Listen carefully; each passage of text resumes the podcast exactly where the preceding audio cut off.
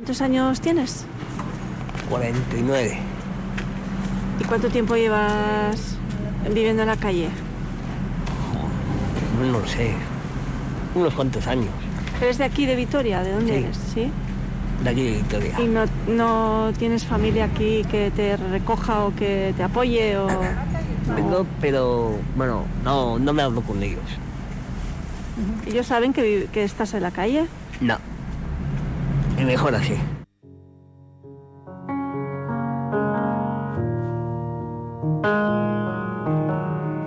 I can see you standing, honey, with his arms around your body, laughing, but the joke's not funny at all. And it took you five whole minutes to pack us up and leave me holding all this love out here in the hall. I think I've seen this film before, and I didn't like the ending. You're not my homeland anymore. So what am I defending now? You were my town, now I'm in exile, seeing you out. I think I've seen this film before.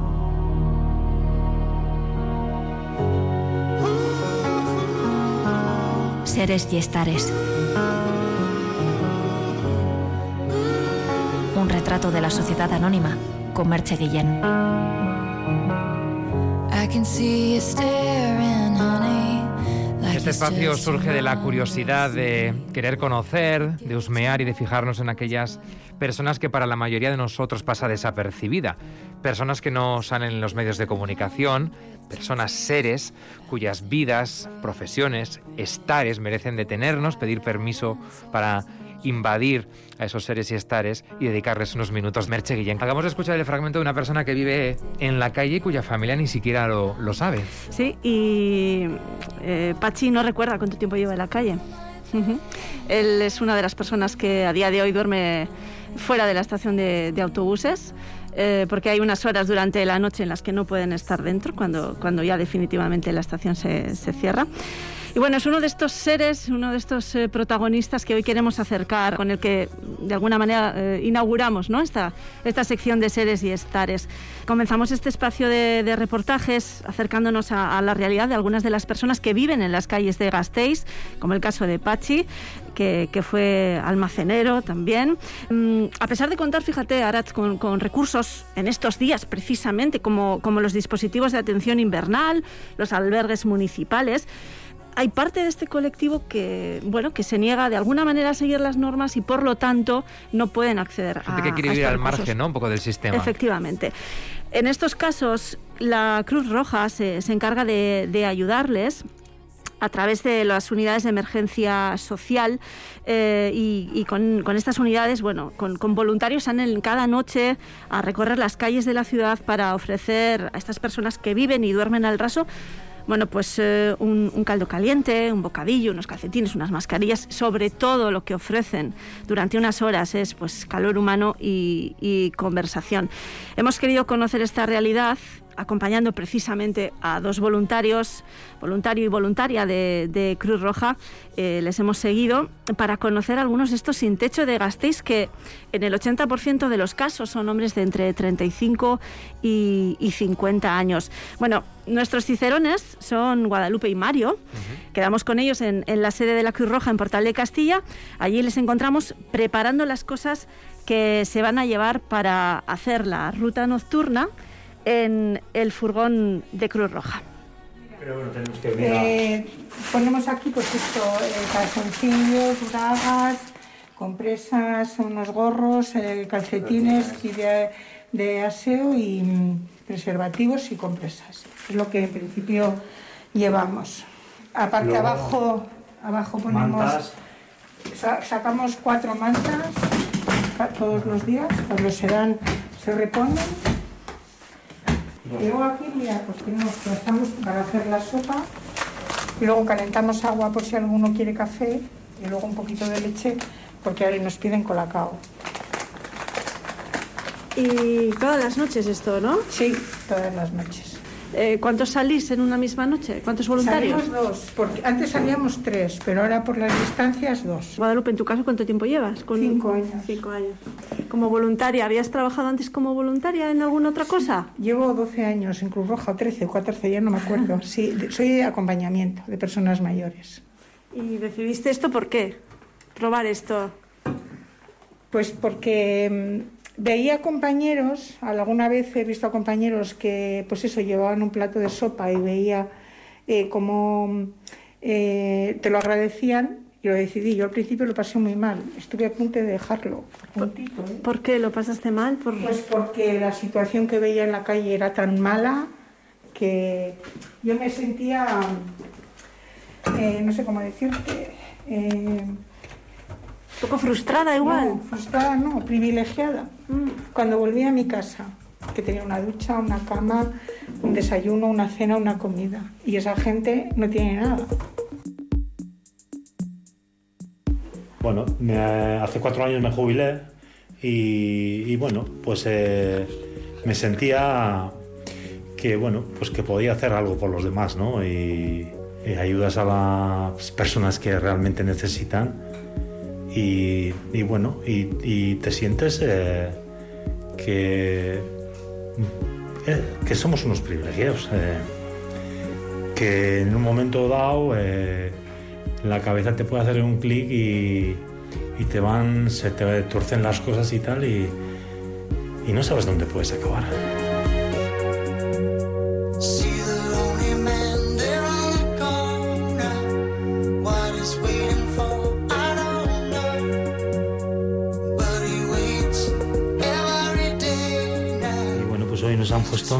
En universidades, luego vamos a la estación de Renfe, a la plaza de toros, zona centro, pues bueno, zona ¿Quién se encarga de hacer esta, Eh, esta ruta, de ir marcando las rutas?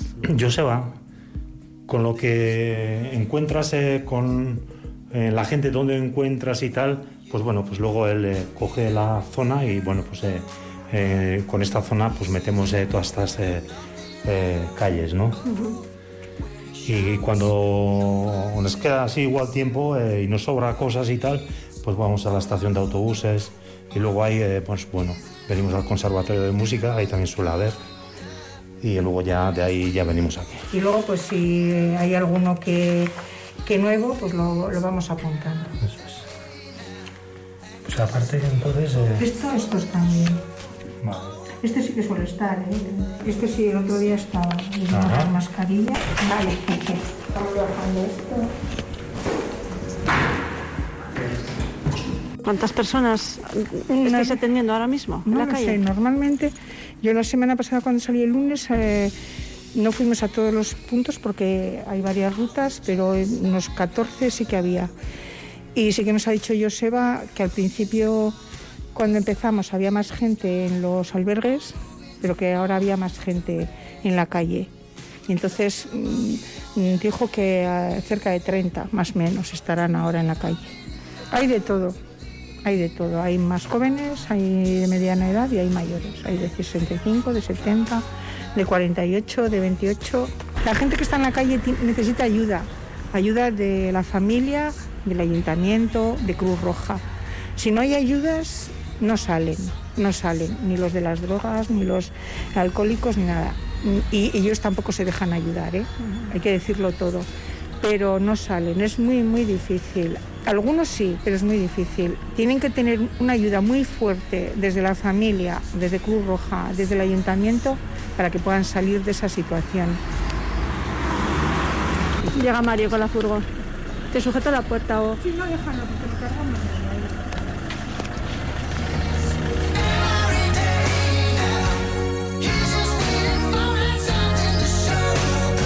Bueno, nosotros le seguimos con nuestro coche porque por las medidas anti-COVID no podemos compartir espacio en la furgoneta. De los nueve puntos que visitamos, hay sitios en los que no encontramos a nadie.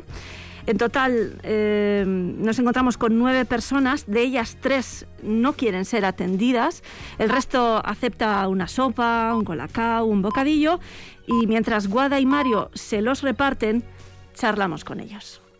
Bocadillo. un caldito, si puedes. Y una boca está buena. Eh, ¿Sardinas, bonito o caballa? Sardinas que son- Sardinas, vale. Eh, ¿De dónde es usted? Este es romano, Manta. ¿Y cuánto tiempo lleva en España? ¿Y bocadillo? tres años y medio. ¿Zumo? Y de esos tres años y medio, ¿cuántos en la calle? Ah, no, por la calle, bueno, es que a veces tengo trabajo, acabo con el trabajo y estoy por la calle, ¿sabes qué les digo? Eu sou português. Portugués. Bueno, eu sou español, sou de Galicia. Mi padre eh, era español y ya está muerto, que Dios lo bendiga. Y, y mi madre era portuguesa, en la frontera. Y ahí, aquí estoy.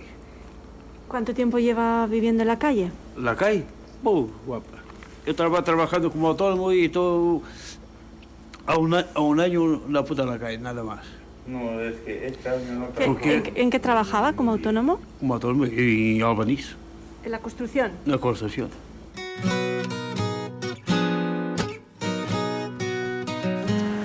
Hola, buenas noches. Hola. No, si no nos contestan, pues no. Una guitarra. Sí. Buenas noches, somos de Cruz Roja. ¿Podemos ayudarte en algo? Uno le, le- le asalta igual la duda de, de igual si se encuentra bien o no esa persona, ¿no? Porque no le vemos la cara, está tapado con el Nos saco. ha pasado ¿no? muchas veces. Sí. ¿Y qué haces ante eso? Si ellos les dices, si no te contestan, no podemos hacer nada más. Se supone que está bien. No, no podéis invadir su, su No, espacio, ¿no? no. Claro, No, claro, no. claro. Se despiertan y, y reaccionan mal eh, porque le has despertado, estaba durmiendo. Claro, eso es lo- O sea, sin más que no quieren saber nada. Sí, sí, sí, sí. ¿no? Porque nosotros les decimos, Muchos casos eh, no quieren saber. no quieren saber nada. Y se supone, ¿no? Por lo que pone ahí, hay que, hay que dejar su intimidad como que es una mujer. Solo sabemos que está debajo de un saco y que hay una guitarra. Que ponemos localizado y nada más. Me queda mi guitarra, me queda mi sombrero, me queda la loca esperanza de empezar de nuevo. Hola. Buenas noches, somos de la Cruz Roja. Te veníamos a buscar. Soy de la India, pero llevo aquí la España casi 18 años. Pero aquí Victoria casi un año, porque antes trabajaba en un taller de masajista, porque soy masajista y profesor de yoga. Pero esta situación y no encuentro trabajo ni nada, porque ahora casi aquí, casi cuatro meses aquí, hay al lado un parque, Florida Parque, tres meses por ahí, pero nunca tengo la recurso ni nada. Hoy, por ejemplo, ¿qué, qué has, qué has comido? Nada, todavía. Nada. Entonces, eh, sopa y bocadillo y zumo. ¿De qué quieres? eh, ¿Sardinas, bonito o caballa? No, atún. Atún. Vale.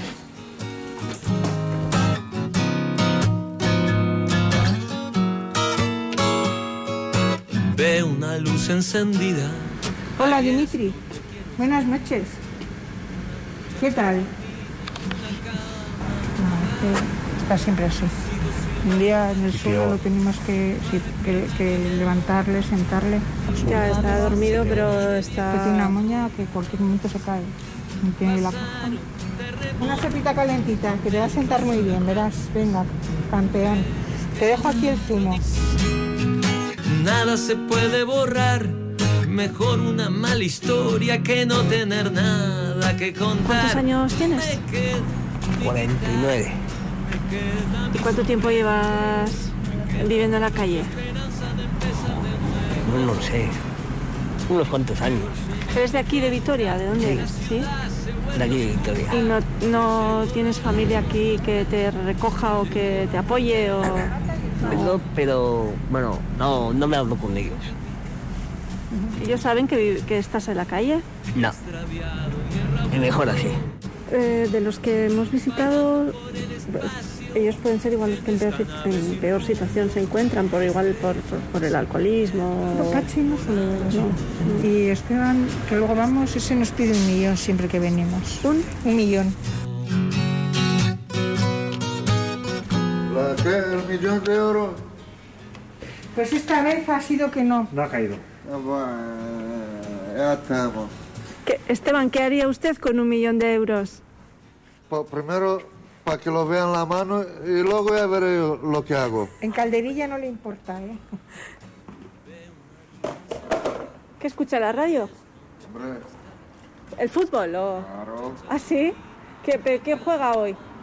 Ahora está jugando Atle- eh, Villarreal con Atlético de Bilbao, que va empatado a uno. Y eh, Barcelona con Valladolid, que gana Barcelona. ¿Y de qué equipo es usted?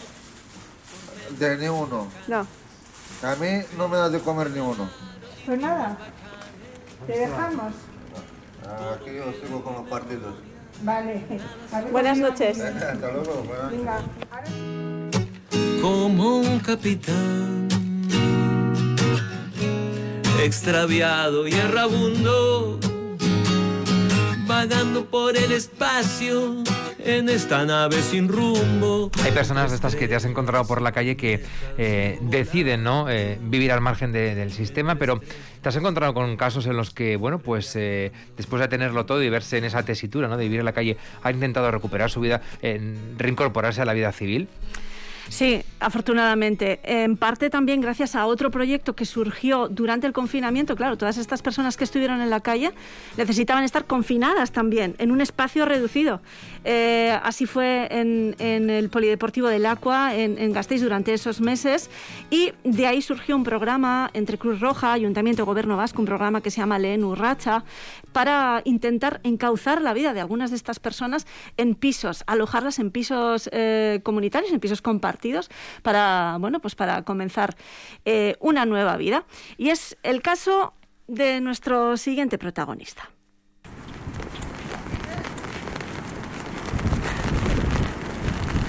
¿Puedo pasar? ¿Sí? con el agua y no sé qué pasa. pasa. Vaya, vaya mañana, ¿no? Pa- para estar fuera. ¿Y la noche? ¿Tú sabes esa noche? Qué feo que se llevaba esto ahí, ¿eh? Ya está, gracias. Ay. Ay, te cierro la puerta, que se escapa el calor.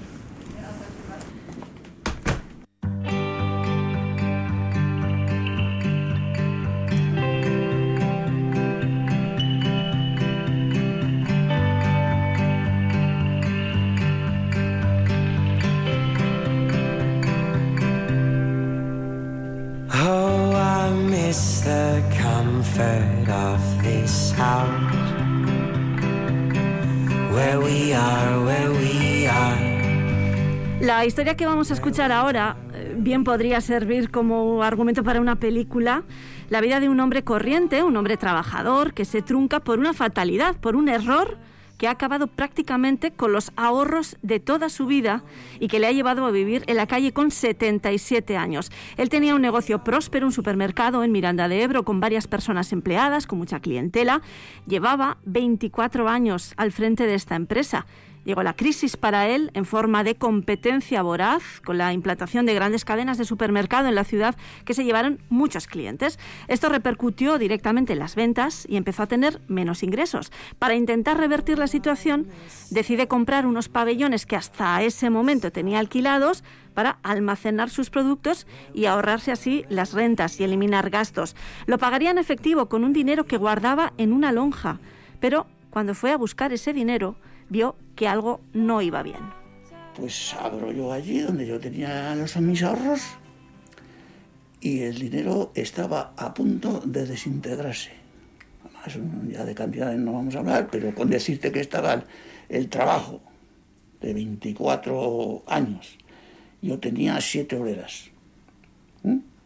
Claro, eso quieras o no, entonces yo Tú compraba... no guardabas, tú no guardabas el dinero en un banco, No, sino no. que lo tenías en casa. Yo lo tenía en, en mi casa, mi en manera. una en una caja fuerte o No, más que No. nada, pues lo tenía en un ambiente. El dinero lo que pasa que, que, eh, claro, te enteras ahora, ahora cuando ya pues eh, técnicos y cosas han, han- están trabajando en el asunto, o sea que el dinero de, no se ha perdido. Eh, pero claro, lleva una, un proceso muy laborioso, muy largo y muy caro a la vez. O sea, pero claro, ahora es cuando te enteras, cuando te hablan los técnicos de- del sistema de coño, esto se había evitado con un envase al vacío y punto. ¿Eh? Mira por dónde. Y, claro, ahora te, te enteras. Luego, claro, yo, ¿qué pasa? Pues que iba dejando ganancias encima y otro en la semana siguiente encima. Y a mí nunca se me ocurrió eh, mirarlo de abajo. ¿Y lo que estaba abajo, en qué situación estaba? ¿Cómo, cómo Estaba, eh, pues digamos que estaba pues como en un zulo. Pero lo que pasa es que el ambiente estaba en una lonja y el ambiente le era propicio. Era pro- ¿Pero qué tenía el dinero? ¿Como, como hongos? ¿Como moho? ¿Qué- ¿Cómo, cómo Esa estaba? Es una bacteria que le entra, le, le entra esa bacteria y la bacteria termina termina por desintegrarlo. O sea, que hubiera yo hubiera abierto un, no, no sé, nueve meses, eh, doce meses, hubiera abierto después y el dinero se me hubiera desintegrado en las propias manos. ¿Y, ¿Y cómo te das cuenta? ¿Ves que esos billetes no están bien, no? Pues veo eh, que cojo un, un manojo y tenían una cierta humedad. Los notaba una cierta humedad. Pues nada, ¿qué hice? Pues cogí, así un poco abanico, cogí el secador del pelo y, intenté quitar la humedad con el secador. Eh, pero no, eh, eh, cada vez estaban peor con el calor. Y, ya esa humedad se volvía eh, mm, vegajoso, como baboso, ¿sabes? Se. Y entonces pues yo fui a la caja, tengo ahí una amiga buena, no voy a decir la entidad, pero bueno, una chica y eh, le hablé del tema y pegó un grito.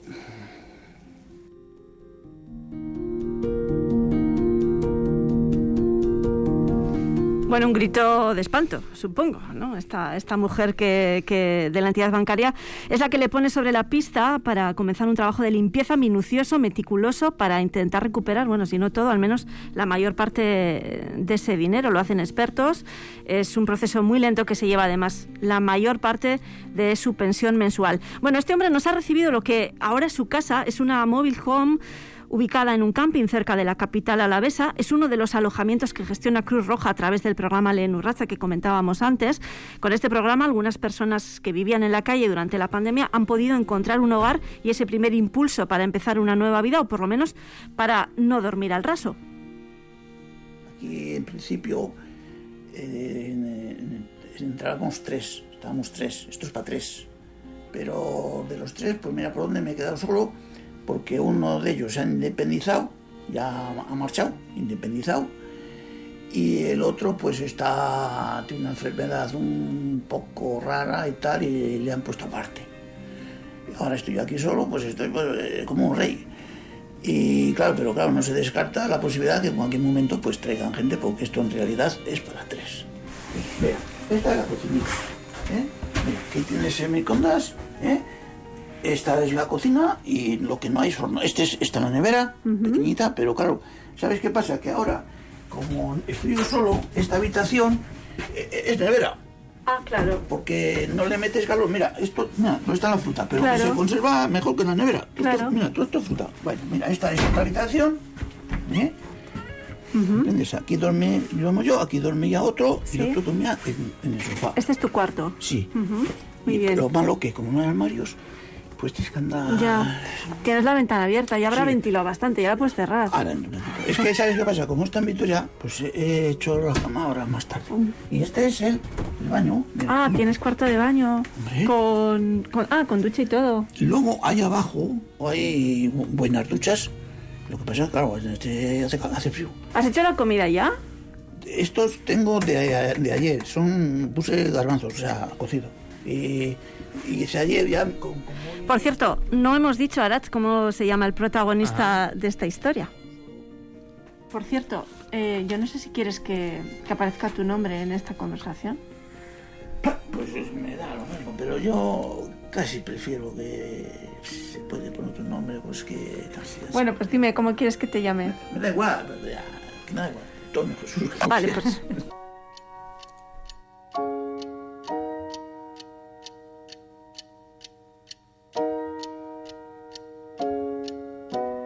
Bueno, pues Antonio, le, le vamos a llamar a partir de ahora a nuestro protagonista. Ha bebido los últimos eh, tres años algo que jamás hubiera imaginado, cerrar su negocio a la fuerza, ver cómo embargan todos sus bienes, su casa, a pesar de tener unos ahorros, y marcharse de su ciudad para llegar a Vitoria y vivir en la calle. yo me dejé embargar porque ya es que no sí, sí, había, sí, no sí, sí, sí. no había. ¿Y en qué momento, en qué momento te coges, no sé, una mochila o lo que te cogieras y te plantas en Vitoria, Vitoria, sin nada? Me vine a Vitoria más que nada porque, eh, pues te voy a ser sincero, pues que allí, pues hasta muchos años que ha sido algo. Ha sido algo. Y pasar de ser algo a, a ser menos que nada, pues no, no me quedé. Entonces vine por aquí y luego cuando apareció esto del virus, pues yo estaba en la estación de autobuses. ¿Y cuánto tiempo llevabas allí? La estación de autobuses, 14 meses. Muy duro. Lo único, pues allí, pues eso, pues tenías eh, servicios y, y eso. ¿Qué comías? Y comer no me faltaba. Comer yo, porque claro, de, del dinero que cobro de la pensión, siempre me da con 190, así, ¿sabes? Y no, no, hambre no me pasa nunca, nunca. Luego la cafetería, eh, por la noche, yo no sé por qué, me tenían un poco consideración y, y por la noche, cuando antes de cerrar, pues eh, todo lo que sobraba allí de bocadillos, esos lo repartían para, ¿sabes? Para los que estábamos por allá. La Cruz Roja también iba, dos días por semana. ¿Qué te ha enseñado el estar en la calle? ¿Has aprendido algo? mucho, mucho, mucho, mucho. Lo primero y más importante es a no fiarme de nadie. Porque yo, fíjate, de esos 190 euros que me quedaba, y me sigo quedando al mes, pues es que me, eh, eh, me han quedado de ver, pues, pues, pues, pues, pues, qué sé yo, cuántos. Pues déjame, déjame, eh, déjame para consigna, allí, déjame para esto, déjame para otro, déjame que el hijo para hacerle los papeles para el colegio, no sé qué, que aquello fue un timo. Y, es que de verdad, de verdad, que yo eh, no soy capaz a negarle a uno pues nada de lo que yo pueda darle, pero es que te la, tan la vida, en ese sentido, pues a ser duro.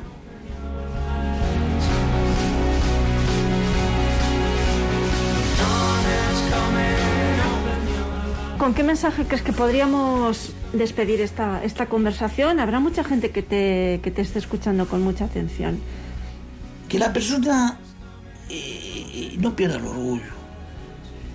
Si la persona pierde el orgullo, es que ya no eres persona. ¿Comprendes? Estos altibajos de la vida, eh, pues les hay, les hay, igual que les hay en contra, pues les hay a favor, que le ha tocado la lotería a fulano. Y, o sea, que estos altibajos eh, existen. ¿eh? pero siempre, siempre, siempre que no, pueda, no pierda el orgullo, porque vuelvo a repetir, una persona sin orgullo es menos que nada. Pues ahí estaba. Ahí está ese mensaje, ¿no? Sí, Eh, que la persona no pierda el orgullo. Sí, eso efectivamente, hay que... Y la dignidad, ¿no? También. Bueno, eh, antes de despedirme, Aratz, eh, quiero, quiero agradecer a Joseba Echevarría, el responsable de las unidades de emergencia social, eh, a Chomin Ondarre, el director de Intervención Social y Empleo de Cruz Roja Álava, Álvaro García, el responsable de comunicación de Cruz Roja Euskadi, a Guadalupe y Mario por su tiempo, y a Joao, a Karim, a George, a Esteban, a Pachi y a Antonio por sus testimonios.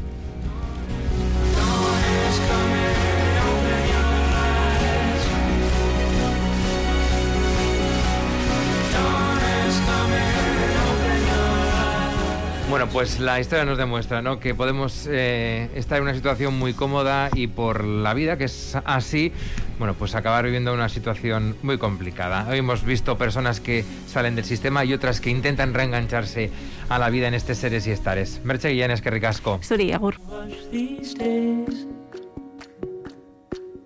Where the lights don't move and the colors don't fade